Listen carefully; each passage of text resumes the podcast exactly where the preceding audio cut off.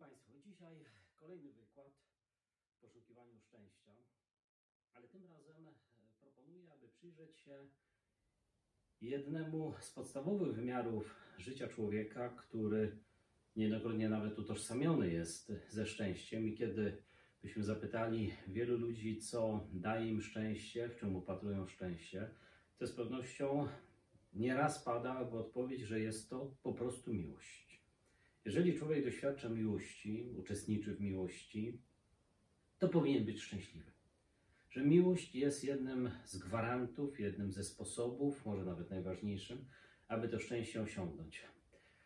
I zaczynając ową refleksję, sobie przyjrzymy się kilku koncepcjom miłości, jakie pojawiły się w historii myśli filozoficznej, to z pewnością warto zacząć od dwóch wydawałoby się wręcz banalnych sformułowań dotyczących miłości. Pierwsza, pierwsza rzecz to jest to, że jest to podstawowe powołanie człowieka. Pięknie to nawet ujął Jan Paweł II w jednej ze swoich encykli, kiedy napisał, że, że jeżeli człowiek nie znajdzie uczestnictwa w miłości, jakiejkolwiek, czy to będzie miłość małżeńska, rodzicielska, do ojczyzny, do Boga, jakiejkolwiek miłości, braterska, jeżeli nie znajdzie uczestnictwa w miłości, to jego życie jest pozbawione sensu. To jest bardzo mocne sformułowanie. To jest jakby utożsamienie, że ten podstawowy, najważniejszy wymiar człowieka, w którym człowiek się realizuje, spełnia siebie jako człowiek, to jest właśnie uczestniczenie w doświadczeniu miłości.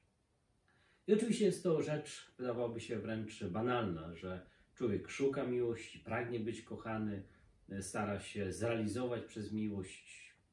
Jak słyszeliśmy przed chwilą, nawet cytując Jana Pawłowego, tych rodzajów miłości jest bardzo wiele. To nie jest tylko tak, że człowiek może zrealizować się w miłości e, rodzicielskiej czy w miłości partnerskiej. A druga rzecz, wydaje mi się, że już nie może aż tak banalna, która, którą chyba najwyraźniej e, wypowiedział e, psychoanalityk Fromm, kiedy napisał malutką książeczkę o sztuce miłości, to jest to, że miłość jest również swego rodzaju, jest swego rodzaju sztuką, której trzeba się po prostu nauczyć. Pozwólcie uwagę, że my się uczymy wielu rzeczy. Uczymy się w szkołach, uczymy się matematyki, uczymy się zawodu, uczymy się nowych programów komputerowych, uczymy się obsługiwania telefonów i tak dalej. My całe życie się uczymy.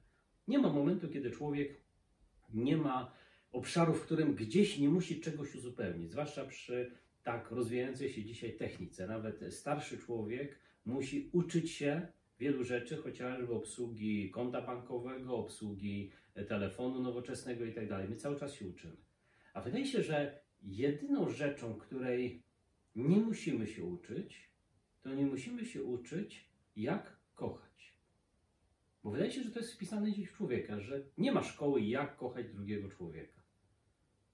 Nie ma takiej szkoły, gdzie jesteśmy przygotowani. Oczywiście dzisiaj nawet w obszarze szkolnym zaczyna się podejmować tą tematykę, może głównie tylko z punktu widzenia jakiejś seksualności, akceptacji siebie, ale rzeczywiście Erich Fromm w tej swojej pracy o sztuce miłości jakby zwraca na to uwagę, że może za mało czasami zastanawiamy się, reflektujemy, czym jest miłość, jak się, się uczyć, na czym ona polega, na co zwrócić uwagę i może też to powoduje, że nieraz ponosimy tyle porażek czy tyle klęsk w tych relacjach miłości, że niejednokrotnie ciągle odczuwamy, że czy nie, nie tak doświadczamy miłości, że nie tak kochamy, że człowiek chciałby lepiej, chciałby mocniej, chciałby, żeby to było trwalsze i tak dalej. Więc rzeczywiście Erich Fromm zwrócił na to uwagę, że również obszar miłości jest takim obszarem, gdzie człowiek właściwie też powinien się uczyć. I myślę, że jednym ze sposobów, który gdzieś może nam dopomóc w, tym, w tej sztuce, w tym naszym podstawowym powołaniu, e, aby kochać e, i wchodzić w relacje miłości, uczestniczyć w tej miłości, są nawet te myśli, które za chwilę Państwu przedstawię. Kilku filozofów, zaczynając od starożytności, a może kończąc nawet na e, czasach bardziej na współczesnych, którzy nieustannie podejmowali to zagadnienie.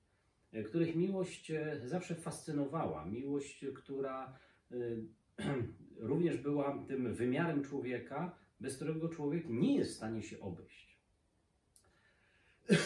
I może zacznijmy od czasów starożytnych, mianowicie od Platona, który właściwie wprowadził do myśli filozoficznej pojęcie, które dzisiaj nam się przede wszystkim kojarzy z seksualnością, mianowicie erosa. Jest piękny dialog w uczcie Platona, kiedy yy, biesiadnicy zaczynają dyskutować, a czym jest miłość. Wypowiedzi jest bardzo dużo. Oczywiście Sokrates, który wypowiada jakby myśli samego Platona, aby konkluduje i przedstawia, czym według niego jest miłość. E, te koncepcje, które biesiadnicy wypowiadają, są bardzo różne, że miłość jest boska, że miłość pochodzi od czegoś boskiego. Platon powie, nie, nie, nie, miłość nie jest boska. Nawet bogowie chcą kochać. Jak zobaczymy właśnie u Platona, miłość to nie jest stan doskonały. To nie jest posiadanie wszystkiego. U Platona miłość jest pewną siłą, pewnym dynamizmem. E, inny biesiadnik na przykład e, podpowiada piękny mit, który, z którym z którym nieraz się stykamy, że miłość to są takie dwie połówki, że kiedyś człowiek za karę został rozdzielony i teraz szuka swojej drugiej połówki. Wydawałoby się piękny mit, że szukamy tego dopełnienia się w drugiej osobie poprzez miłość, ale można powiedzieć, że miłość nie jest karą. Miłość jest największym powołaniem człowieka, bo w tej wizji jednego z biesiadników miłość to jest jakaś kara, jaką ponosimy, że my na, za wszelką cenę musimy znaleźć drugą połówkę, bo zostaliśmy kiedyś ukarani. Miłość, miłość nie jest karą. Ale pomijając te wypowiedzi e, biesiadników, może warto zwrócić uwagę, czym e, dla Platona jest miłość, bo ona rzeczywiście oddaje pewną, pewien element, który jest niezwykle ważny, ważny w miłości. E, Platon to robi za pomocą przytoczenia pewnego mitu o narodzeniu się miłości. Wydaje mi się, że jak spojrzymy sobie tak nawet bardzo pobieżnie na przytoczony w uczcie Platona ten mit, jak pojawiła się miłość na ziemi. Otóż Diotyma, prorokini, objawiła Sokratesowi, tak czytamy w uczcie Platona, że miłość zrodziła się w czasie uczty, uczty na cześć Afrodyty, czyli bogini piękności, i zrodziła się poprzez spotkanie biedy i dostatku. Miłość rodzi się z biedy i dostatku. I w pierwszej chwili może przeżywamy taki dziwny szok. Jak to? Z biedy i dostatku? Że miłość jakby pochodzi od biedy i dostatku? Ale Platon bardzo ciekawie tłumaczy, co można wyciągnąć z tego mitu o zrodzeniu się miłości. Mianowicie Platon zwraca uwagę, że eros, ten, ten, to, to powołanie człowieka, to, te, ta dynamika, która w człowieku się znajduje, polega na tym, że miłość jest zawsze dążeniem do dobra, którego my nie posiadamy. Miłość to jest pewna, można powiedzieć, miłość nie jest celem, miłość jest sposobem. Miłość, sposobem, miłość jest sposobem dążenia do pewnego dobra. Ale co to znaczy? Że tego dobra nie posiadam. Możemy to przenieść nawet na pewne doświadczenie relacji, relacji międzyludzkiej, że jeżeli odkrywam miłość do innej osoby, to ona jest pewnym dobrem, który gdzieś uzupełnia, dopełnia mnie. Ja tego dobra nie posiadam, nie posiadam drugiej połówki, nawet używając tego zwrotu platońskiego. Jeżeli y, nie posiadam pewnych dóbr, które mogą być dopełnione, dopełnione dopiero przez zbliżenie się, poprzez dążenie do tego dobra, które gdzieś jest na moim horyzoncie. Na tym polega miłość. Więc Platon jakby chce pokazać, że miłość nigdy nie jest celem samym sobie. Miłość to jest sposób. Miłość to jest sposób, byśmy powiedzieli dzisiaj, odniesienia się do pewnego dobra, które pojawiło się na naszym horyzoncie. Pewnego zatroskania o to dobro. I dlaczego bieda i dostatek? Bo bieda oznacza, że tego dobra nie posiadamy. Miłość jest w pierwszym rzędzie uświadomieniem sobie, można powiedzieć, pewnej swojej niedoskonałości. Że pewnych dóbr, pewnego dobra, pewnego wymiaru w naszym życiu nie posiadamy. Dlatego kochamy.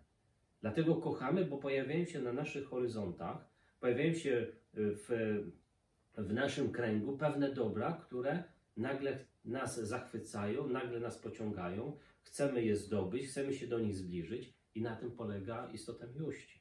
To jest pewne dążenie, to jest pewien ruch, pewien, pewien dynamizm zatroskania się o pewne dobra. I wydaje mi się, że to jest piękny wymiar, jaki możemy znaleźć w miłości, że można powiedzieć, że miłość jest zawsze pewnym dynamizmem, jest pewnym uświadomieniem sobie z jednej strony własnego niedostatku, że nigdy nie jesteśmy posiadaczami wszystkich dóbr, a z drugiej strony jest to odkrycie pewnych dróg, do których możemy zmierzać. Właśnie wydaje się, że to najbardziej chciał pokazać Platon, kiedy odwołuje się do tego mitu zrodzenia się miłości, z biedy i z dostatku. Dostatek, bo zawsze dążymy do pewnego dobra, które gdzieś, ma, gdzieś może nas uzupełnić. Tyle może na temat Platona, żeby Państwu pokazać, że od samego początku interesowano się, czym jest miłość. Można by sięgnąć do kolejnego myśliciela, jakim jest Arystoteles. On właściwie wprowadził, jeżeli u Platona mamy właśnie to pojęcie miłości erosa, tego dynamizmu, zwróć uwagę, że dzisiaj eros kojarzy nam się przede wszystkim z seksualnością, bo to jest pewien dynamizm, bardzo często niezależny od człowieka, który odkrywamy w sobie, który nas ukierunkowuje na drugą osobę. I wydaje mi się, że bezpośrednio dzisiaj, kiedy bardziej pojęcie orosa kojarzy nam się z wymiarem cielesnym człowieka, to też jest pokazanie tego wielkiego pędu, dynamizmu, który jest zapisany w nas, ukierunkowujący się na drugą osobę. Natomiast Arystoteles właściwie zainteresował się inną wizją miłości. E, tym razem interesuje go pojęcie miłości, którą bym nazwał miłością przyjacielską. E, zresztą w filozofii starożytnej nieraz znajdziemy wielkie e, uznanie dla przyjaźni. Nawet można powiedzieć, że czasami przyjaźń była stawiana powyżej nawet relacji rodzicielskiej czy relacji małżeńskiej no byśmy dzisiaj powiedzieli, że może istotą każdej relacji, nawet małżeńskiej, małżej, relacji partnerskiej powinna być, powinno być głębokie, głęboka relacja przyjaźni. Jeżeli jest przyjaźń między małżonkami, to wydaje się, że to jest jeden z bardzo dobrych sposobów, żeby ten związek był trwały, był piękny, żeby ten związek tych ludzi niósł. Więc e, w etyce nikomachejskiej, bo tak nazywa się dzieło Arystotelesa, w którym podejmuje ową tematykę miłości przyjacielskiej, zastanawia się, czym jest przyjaźń. Znowu, przyjaźń na pewno jest pewnym środkiem, jest pewną relacją między ludźmi. On używa słowa filia. Tak jak u Platona mamy to pojęcie erosa, to u Arystotelesa pojawia się wyrażenie filia. No, zresztą te, te, te, to wyrażenie filia, czyli mi, miłości przyjacielskiej Arystotelesa pojawia się dzisiaj w wielu słowach, jak filologia, umiłowanie słowa, tak mówiąc e, dosłownie, czy filozofia, umiłowanie mądrości. Więc to słowo filia wprowadził Arystoteles na trwale do nawet języka, do, do wszystkich języków. Ale co jest istotne w przyjaźni arystotelesowskiej? Otóż e, można powiedzieć, że przyjaźń jako rodzaj miłości przede wszystkim jest możliwa między ludźmi, jak on to ładnie określa, dzielnymi, czyli ludźmi, którzy dbają o swój rozwój, o cnotę, dbają o to, żeby e, ukierunkować się na właściwe dobro, żeby żyć zgodnie z rozumem. Rzeczywiście u Arystotelesa przyjaźń przede wszystkim oznacza wzajemne udoskonalanie się. Zwróć uwagę, że to jest bardzo ciekawe pojęcie relacji, miłości i przyjaźni. Jakieś nawet bym powiedział, że jest to jakiś taki papierek lakmusowy dla naszych relacji. Że relacja, byśmy mogli powiedzieć, jest wtedy właściwa, kiedy ta relacja nas po prostu rozwija, kiedy relacja nas ulepsza, tak mówiąc językiem bardzo, bardzo kolokwialnym. Jeżeli w jakiejś relacji czujemy, że stajemy się lepsi, że gdzieś ta relacja ciągnie nas w górę, że dzięki tej relacji mobilizujemy się do dobra, że dzięki tej relacji stajemy się bardziej życzliwi do ludzi, to byśmy powiedzieli, to to jest właśnie dobra relacja przyjaźni. Relacja przyjaźni nigdy nie powinna być relacją, która gdzieś nas ciągnie w dół. Relacją, która sprawia, że stajemy się gorsi, że stajemy się zgorzkniali, że stajemy się nawet, nie wiem, agresywni w stosunku do innych ludzi. Jeżeli mamy takie doświadczenie relacji, to Arystoteles powiedział, to nie jest przyjaźń. Przyjaźń jest tylko wtedy, kiedy ta relacja ciągnie nas w górę. E, Arystoteles e, zresztą wyróżniał kilka rodzajów przyjaźni. Oczywiście najbardziej, najbardziej e, częsta relacja przyjaźni to jest relacja dla przyjemności, że z przyjaźni czerpiemy pewną przyjemność, samej przyjaźni, że, że staje się relacją, gdzie przeżywamy radość. Mówi, to jest rodzaj przyjaźni, która jest, która jest bardzo charakterystyczna dla młodych ludzi, którzy doświadczają, którzy miło spędzają czas w grupie, którzy się radują swoją młodością, przeżywają różne różne stany i tak dalej. To jest, to jest miłość, to jest przyjaźń związana z przyjemnością. Później jest przyjaźń, którą e, też może znamy z naszego życia, taka przyjaźń ukierunkowana na e, pewne korzyści. My wchodzimy w pewne relacje z ludźmi, no bo to się może przydać, że ten człowiek może coś nam załatwić, że, że ten człowiek jest nam życzliwy i tak wzajemnie możemy się wymieniać pewnymi dobrami. Więc e, Arystoteles by nazwał, że jest to przyjaźń ze względu na korzyść. I rzeczywiście takie relacje, może niekoniecznie musimy nazywać je relacjami przyjaźni, ale pewne takie znajomości posiadamy w życiu, że wiemy, że są pewne relacje, które mogą nam się przydać w życiu, że one są fajne, spędzamy czas, ale też potrafimy z tych relacji wzajemnie sobie korzystać. No i wreszcie trzeci rodzaj przyjaźni, ten właściwy, kiedy właściwie chodzi o to, że żeby wzajemnie wzrastać w tym, co dobre. To jest ta najwłaściwsza przyjaźń, zdaniem Arystotelesa. Więc jak Państwo widzą, że już starożytni poszukiwali pewnych odniesień, jak budować właściwie relacje, co pojawia się w tych relacjach. Czy to jest pewien dynamizm, czy jest to wzajemne e, ulepszanie się, czy jakieś ugruntowywanie się w dobru, jak dla Arystotelesa.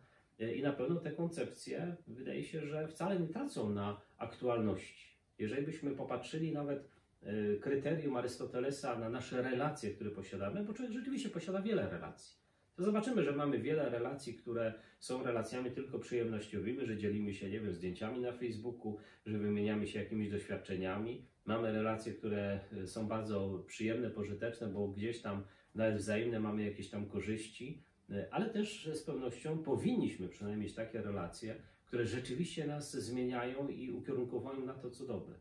Relacje przyjaźni takie, gdzie przyjaciel jest w stanie nam powiedzieć pewną nawet gorzką prawdę i my się wcale z tego powodu nie obrazimy bo wiemy, że Jemu zależy na naszym dobru. I to jest chyba też istota przyjaźni, że przyjaciel to jest ten, któremu tak zależy na naszym dobru, że jest w stanie powiedzieć nam prawdę, a my tą prawdę przyjmiemy, przemyślimy, bo on to powiedział. To nie jest jakiś tam człowiek, którego znamy bardzo pobieżnie, nie jakiś znajomy, tylko ktoś, kto wiem, że temu człowiekowi zależy na moim dobru. I to jest też istota przyjaźni. Można by też tu wspomnieć o, o innej e, koncepcji też miłości, która pojawiła się no, w czasach e, starożytnych, a mianowicie przez przyjście chrześcijaństwa. E, mianowicie miłości, po pierwsze, związanej z relacją do Boga, i druga charakterystyczna miłość, która pojawiła się z chrześcijaństwem, oczywiście pomijam, jak to było realizowane przez historię, ale miłość związana z miłością do nieprzyjaciół, bo to znajdujemy bardzo konkretnie w przesłaniu Chrystusa. Dlaczego, jest, dlaczego poruszam tu kwestię miłości do Boga? Bo jak byśmy sięgnęli do starożytnych myślicieli, właśnie filozofów, czy nawet religii greckiej czy rzymskiej, to zobaczymy, że relacja człowieka do Boga i Boga do człowieka wcale nie była tak ewidentna jak w chrześcijaństwie. No, chociażby pierwszy paradoks. Zdaniem, nawet patrząc na te koncepcje, które przed chwilą Państwu przedstawiłem, koncepcję Platona i Arystotelesa, to zwróćcie uwagę, że według tak rozumianej miłości, to Bóg nie może kochać człowieka. Nie ma miłości ze strony Boga do człowieka. Dlaczego? No bo jeżeli miłość, weźmy koncepcję Platona, to jest miłość Boga, który, który by jemu by brakowało jakiegoś dobra, no to nie byłby Bogiem. Bóg nie mógł kochać, no bo jeżeli miłość polega na tym, że brakuje mi jakiegoś dobra i kierunkowuje się na jakieś dobro, no to co taki Bóg znajdzie w człowieku? Dlaczego on ma kochać człowieka? Człowiek może kochać Boga oczywiście, bo tam jest jakieś najwyższe dobro i może zmierzać ku temu dobru, ale nie odwrotnie. Bóg jest tylko po to, żeby go podziwiać, kontemplować, ale on kochać nie może, no bo nie znajdzie jakiegoś dobra w człowieku, którego mu brakuje. Więc e, zwróć uwagę, że gdybyśmy przyłożyli koncepcję platońską do relacji Bóg-człowiek, to tam taka miłość nie może zaistnieć ze strony Boga w stosunku do człowieka. E, podobnie byśmy powiedzieli w stosunku, e, gdybyśmy przyjęli koncepcję arystotelesowską, tej filii. Jeżeli ta miłość polega na tym, że wzajemnie pomagamy sobie w wzrastaniu w dzielności, sprawności w dobru, no to można powiedzieć, no, człowiek to rzeczywiście może wzajemnie się e, podnosić, bo jesteśmy, jakbyśmy powiedzieli, na podobnym poziomie ontycznym, na podobnym poziomie e, człowieczeństwa, ale znowu Bóg człowiek, no co, jak człowiek będzie podnosił Pana Boga w tym, co dobre? No znowu to nie działa. I co jest ciekawe, że chrześcijaństwo, kiedy e, Chrystus odsłania koncepcję Boga, który jest miłością, który tak umiłował świat, że swojego Syna posyła, no bo to objawia się razem z przyjściem Chrystusa, to można powiedzieć, że to trochę nie pasuje do koncepcji miłości, które funkcjonowały w starożytności. I stąd nawet chrześcijanie zaczynają posługiwać się innym terminem, który właściwie w Grece nie był tak obecny, mianowicie agape. Miłości, która jest specyficznie chrześcijańska, bo to Bóg miłuje człowieka i tą miłość chociażby najdoskonalej pokazał, kiedy posłał swojego syna, aby przyszedł na świat, odsłonił tajemnicę Boga i zbawił nas przez swoją śmierć, mękę i zmartwychwstanie. Takiej koncepcji miłości w relacji między Bogiem a człowiekiem nie było. To jest pewna nowość. A drugą nowością to jest coś, co możemy nazwać uniwersalizacją miłości. E, nawet kiedy popatrzymy na koncepcję Platona czy Arystotelesa, to zwróć uwagę, że miłość zawsze jest swego rodzaju elitarna, dlatego że społeczeństwo greckie czy rzymskie było bardzo schierarchizowane. E, to były konkretne grupy społeczne, wizja Platona państwa, jak są podzieleni, kto stoi najwyżej w hierarchii, filozofowie, którzy mają zarządzać i tak dalej. E, tak samo Arystotelesa, e, miłość, ta filia, ta przyjaźń była możliwa między ludźmi na pod, o podobnym statusie. Natomiast chrześcijaństwo wprowadza uniwersalizację miłości. Zwróć uwagę, że chrześcijaństwo właściwie było pierwszą, można powiedzieć, myślą, która pokazuje, że godność człowieka właściwie wypływa z tego, że jest miłowany przez Boga, niezależnie od tego, jaki status społeczny posiada. Kiedy Chrystus używa tej przypowieści o talentach, czy masz jeden talent, czy masz pięć talentów, czy dziesięć talentów, ważne jest to, co z tym robisz, czy pomnażasz, a nie kim jesteś, jaki status społeczny posiadasz. To na pewno była myśl rewolucyjna E, że chrześcijaństwo chciało pokazać równość wszystkich ludzi. Oczywiście e, chrześcijaństwo nie spowodowało wcale od razu zniesienia systemu hierarchicznego społeczeństwa greckich czy rzymskich, ale na pewno ta myśl była bardzo obecna. A jeszcze bardziej była ona obecna właśnie w tej uniwersalizacji miłości. Co jest chyba w ogóle szokujące do dzisiaj w chrześcijaństwie, że chrześcijaństwo, o czym Państwu wspomniałem na poprzednim wykładzie, że chrześcijaństwo zaproponowało koncepcję miłości nieprzyjaciół. Tego nigdy nie było. Można powiedzieć, że prawo Hammurabiego, które także było już jakimś prawem, oko za oko, ząb za ząb, no zwróć uwagę, to była jakaś odpłatność. Ktoś ci wyrządził krzywdę, nie wolno ci wyrządzić większej krzywdy, tylko taką, jaką ci wyrządzono. To była już jakaś sprawiedliwość. Ale zwróć uwagę, że chrześcijaństwo no, prowadziło coś, co właściwie szokuje do dzisiaj. To jest miłość do nieprzyjaciół. Jeżeli ktoś uderzył cię w prawy policzek, nastaw mu lewy. Jeżeli ktoś chce wziąć twój płaszcz, dodaj mu jeszcze szatę, to dodaj mu jeszcze płaszcz. Byśmy powiedzieli dzisiaj, ktoś przyszedł ukraść ci telewizor, to jeszcze powiedz mu, że w garażu masz samochód, to jeszcze niech weźmie ten samochód, żeby był w pełni zadowolony. No, trochę jest to szokujące. Właściwie o co chodzi z tą miłością do nieprzyjaciół? Otóż miłość do nieprzyjaciół wcale nie oznacza w koncepcji w koncepcji chrześcijańskiej, że mamy stać się chłopcami do bicia, że chrześcijanin to jest taki, którego, którym należy pomiatać, wyżywać się na nim i tak dalej. Taki worek treningowy dla każdego, kto będzie chciał sobie wyrządzić jakieś złoto, najlepiej wziąć chrześcijanina, no bo on, jak ktoś mu przyłoży, to ma nadstawić drugi policzek. E, co bardziej chodzi o to, że jest to pewien sposób reakcji na zło. Bo miłość nie jest tylko wyłącznie jakąś emocją, uczuciem. Zwróć uwagę, że nawet u Arystotelesa, jeżeli mówimy o pewnej, pewnej pomocy, abyśmy stawali się lepszymi, to, to to nie jest uczucie, to jest pewna postawa, to są pewne, to są pewne czynności, które mamy wykonywać, aby wzajemnie wzrastać w dobrym. To nie jest tylko i wyłącznie uczucie. I patrząc na miłość do nieprzyjaciół, także można powiedzieć, to nie jest uczucie.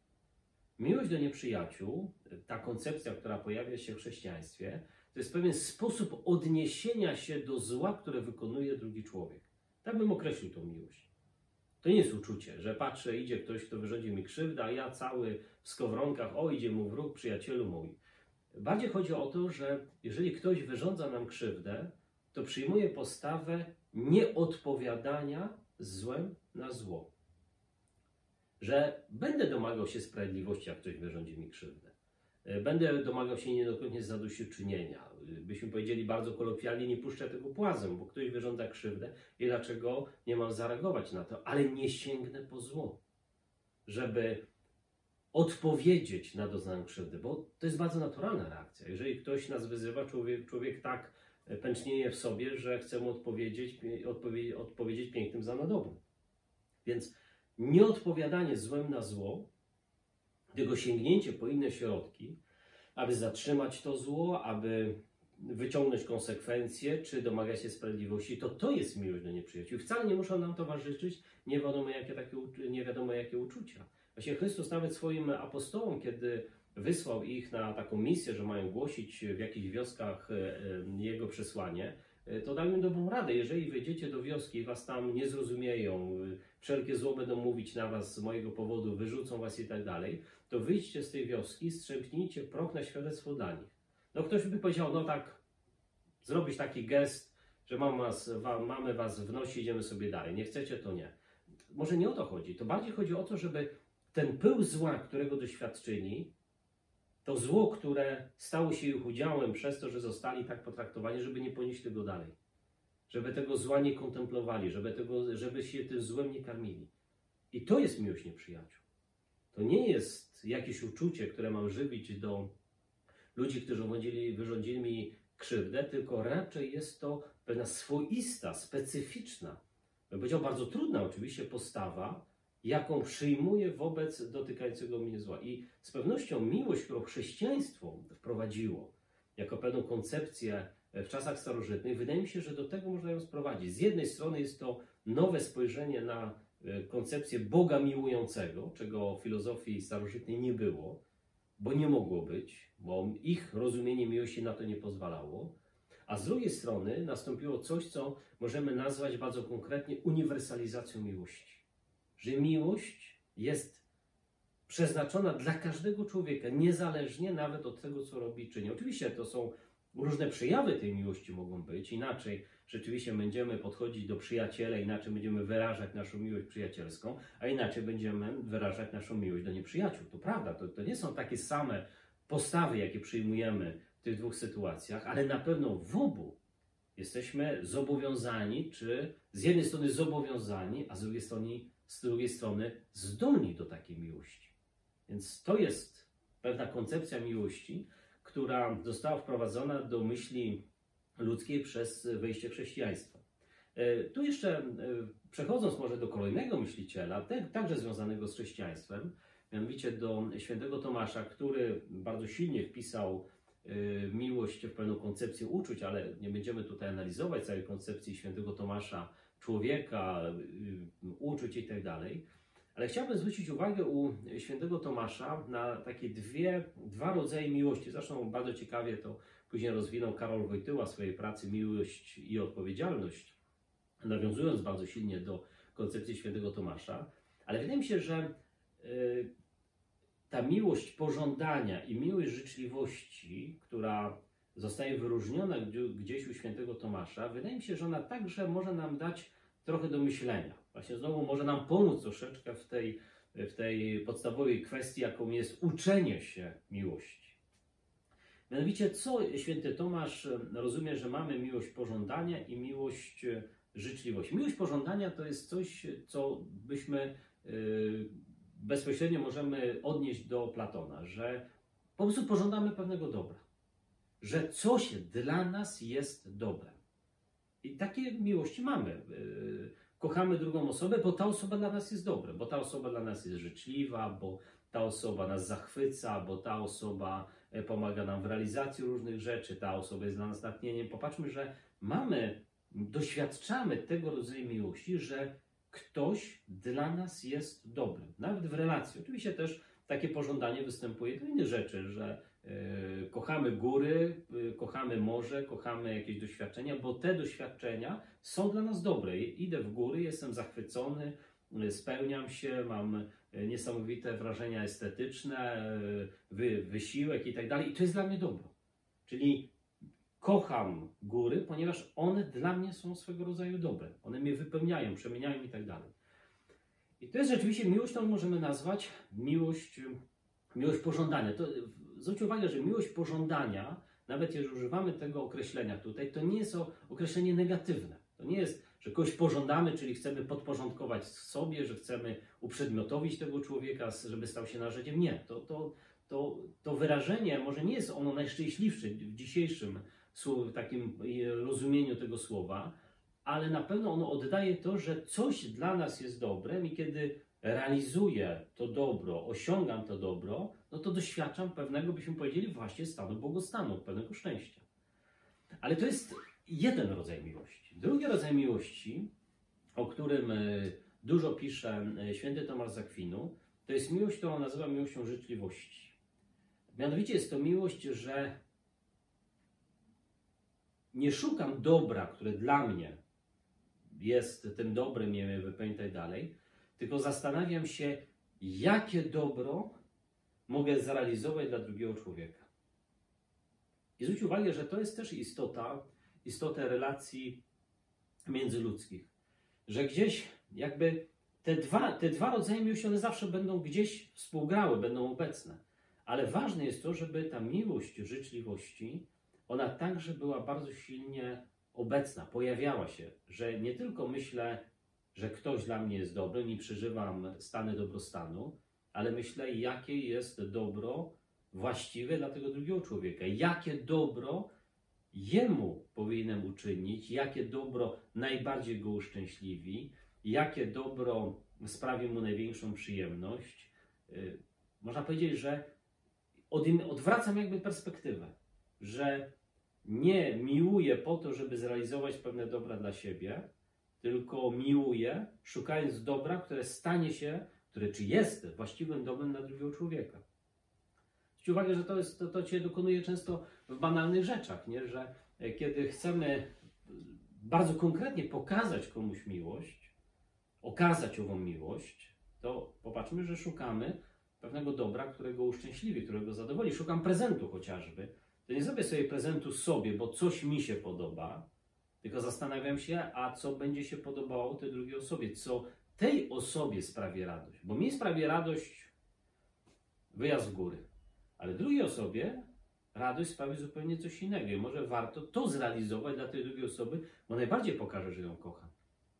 Więc rzeczywiście ta perspektywa jakby patrzenia przez pryzmat pewnego wczucia, pewnej empatii nawet drugą osobę i ciągłego poszukiwania, co tą drugą osobę uszczęśliwi, co dla niej jest dobrem, no można powiedzieć, jest bardzo istotnym znakiem miłości. Jeżeli gdzieś nieraz będziemy posiadali taką refleksję, co drugiego człowieka może uszczęśliwić, co da mu największą satysfakcję, y, czego ten człowiek oczekuje, to zwróć uwagę, to są najpiękniejsze przejawy, najpiękniejsze sygnały, czy najpiękniejsze sposoby realizowania miłości.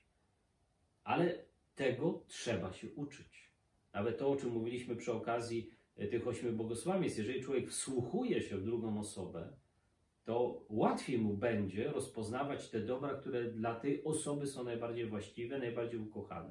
I takie podejście rzeczywiście pozwala na głęboką relację miłości. No może tyle na temat świętego Tomasza. Święty Tomasz też pięknie pisze o pewnych skutkach miłości, ale może już to zostawmy na może inne wykłady, gdybyśmy omawiali całą koncepcję miłości świętego Tomasza, ale warto zasygnalizować właśnie ten wymiar dobra, my, dobra dla drugiej osoby.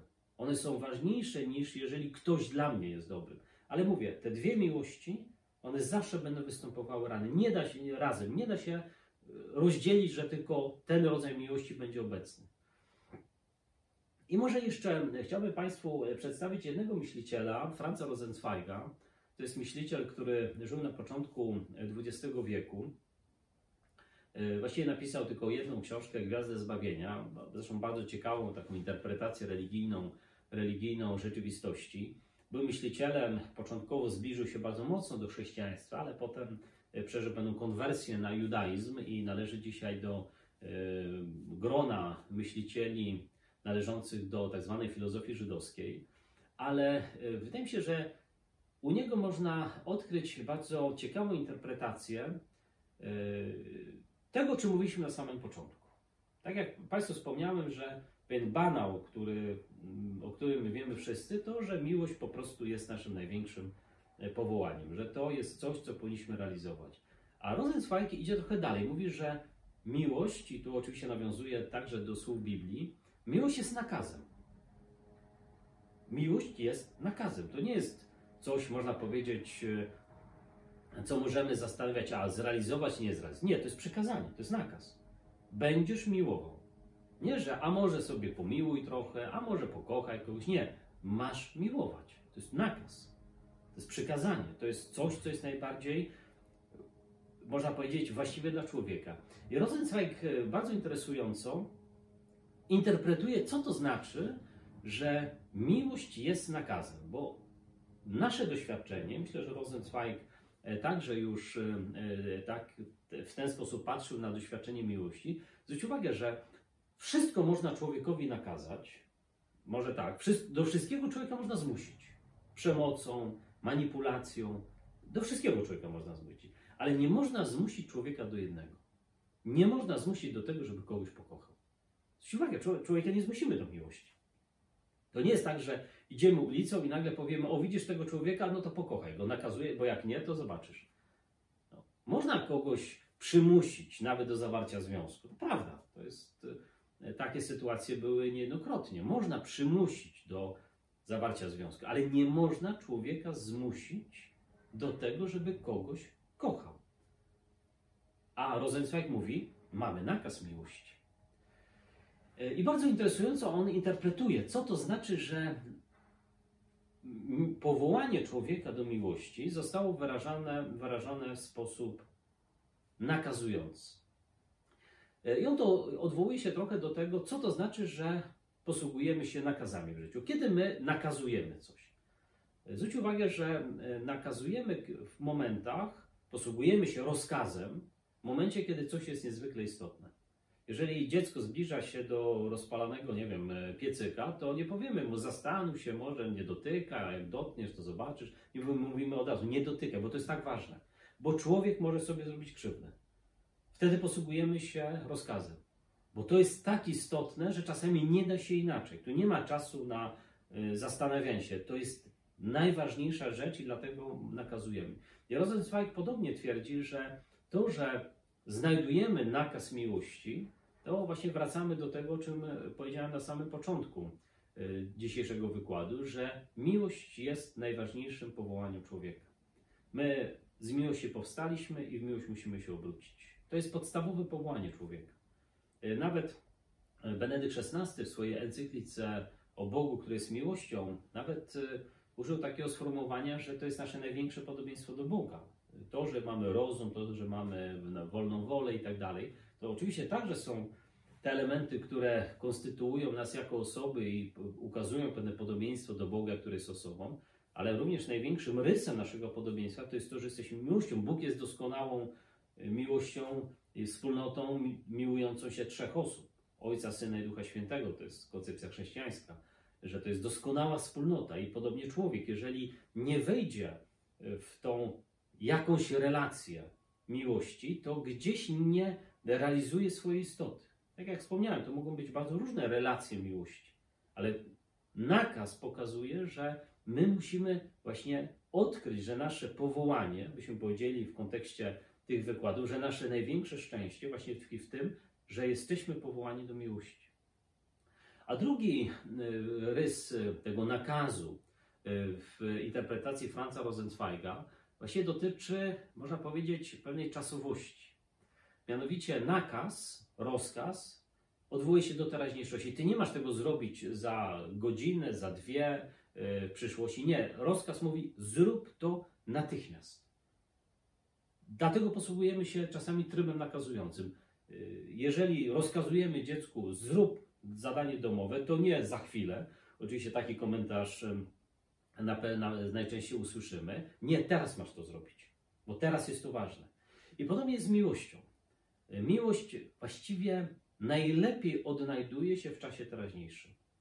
Oczywiście my możemy wspominać nasze doświadczenia miłości, możemy wspominać, jak ktoś nas kochał, możemy wracać do różnych doświadczeń i czasami jest taki i będzie tak, że wracamy do pewnych rzeczy. Możemy marzyć o, o przyszłości, że ktoś nas pokocha, że będzie lepiej i tak dalej. Ale popatrzmy, że to, czego my nawet pragniemy, to jest to, żeby ktoś nas kochał tu i teraz. Żebyśmy dzisiaj doświadczali tej, tej tej relacji miłości. Żebyśmy dzisiaj czuli, że jesteśmy kochani, że te gesty miłości do nas dzisiaj docierają. Nie odkładajmy ich na przyszłość, e, nie pokazujmy, że w przeszłości kiedyś to pokazywaliśmy, tylko ukazujmy, jak kochamy, ukazujmy, że kochamy tu i teraz. Miłość jakby zna, czy chce się realizować w czasie teraźniejszym, dlatego jest nakazem, dlatego jest, dlatego jest przykazaniem, bo to mamy realizować tu i teraz. Nie ma takiego czasu, że miłość zaczeka. Nie ma czasu, że miłość e, przyjdzie z przeszłości. Ona realizuje się tu i teraz. I wydaje się, że ta myśl Franza Rosenzweiga taka jest bardzo konkretna, nie? tak jak nawet patrząc na naszą codzienność, że jeżeli czasami chcemy komuś pokazać, że dla nas jest ważny, że, że go kochamy, to, to nie ograniczajmy tych gestów, nie, nie odkładajmy tych gestów, nie myślmy, że może później, tylko starajmy się zawsze gdzieś w tej teraźniejszości znajdować takie przestrzenie, że owe gesty miłości, że owe przesłanie miłości po prostu będzie wyraźne, namacalne, a przede wszystkim teraźniejsze. Bo my tu i teraz chcemy doświadczać tego, że jesteśmy, że jesteśmy kochani. Więc jak Państwo widzą, y, oczywiście w ramach tego wykładu przywołałem tylko kilka nazwisk, które y, gdzieś w historii filozofii y, podejmowały zagadnienie miłości, ale pewno nie są to nazwiska jedyne. Właściwie u większości filozofów znajdziemy odwołanie do do doświadczeń miłości, opisy miłości, cała filozofia dialogu, bardzo współczesna, również podejmuje to zagadnienie. Ale wydaje się, że warto czasami gdzieś zreflektować nawet to zagadnienie miłości, dlatego że my nieustannie jesteśmy zanurzeni w jakieś relacje miłości. I może czasami spojrzenie nawet przez pryzmat jakichś myślicieli też pomaga nam, abyśmy uczyli się tej sztuki miłości codziennie. Bo miłość nie tylko jest naszym największym powołaniem, ale też domaga się pewnej, pewnego praktykowania pewnej sztuki. My czasami powinniśmy zatrzymać się i zapytać się, jak kochamy. Nie czy kochamy, bo każdy człowiek jest zanurzony w jakąś miłość, ale przede wszystkim jak kochamy. A ci wszyscy myślicieli, myśliciele właściwie pokazują jedno, że zawsze możemy kochać jeszcze mocniej. Jedyną granicą miłości jest miłość bez granic. Dziękuję Państwu za uwagę.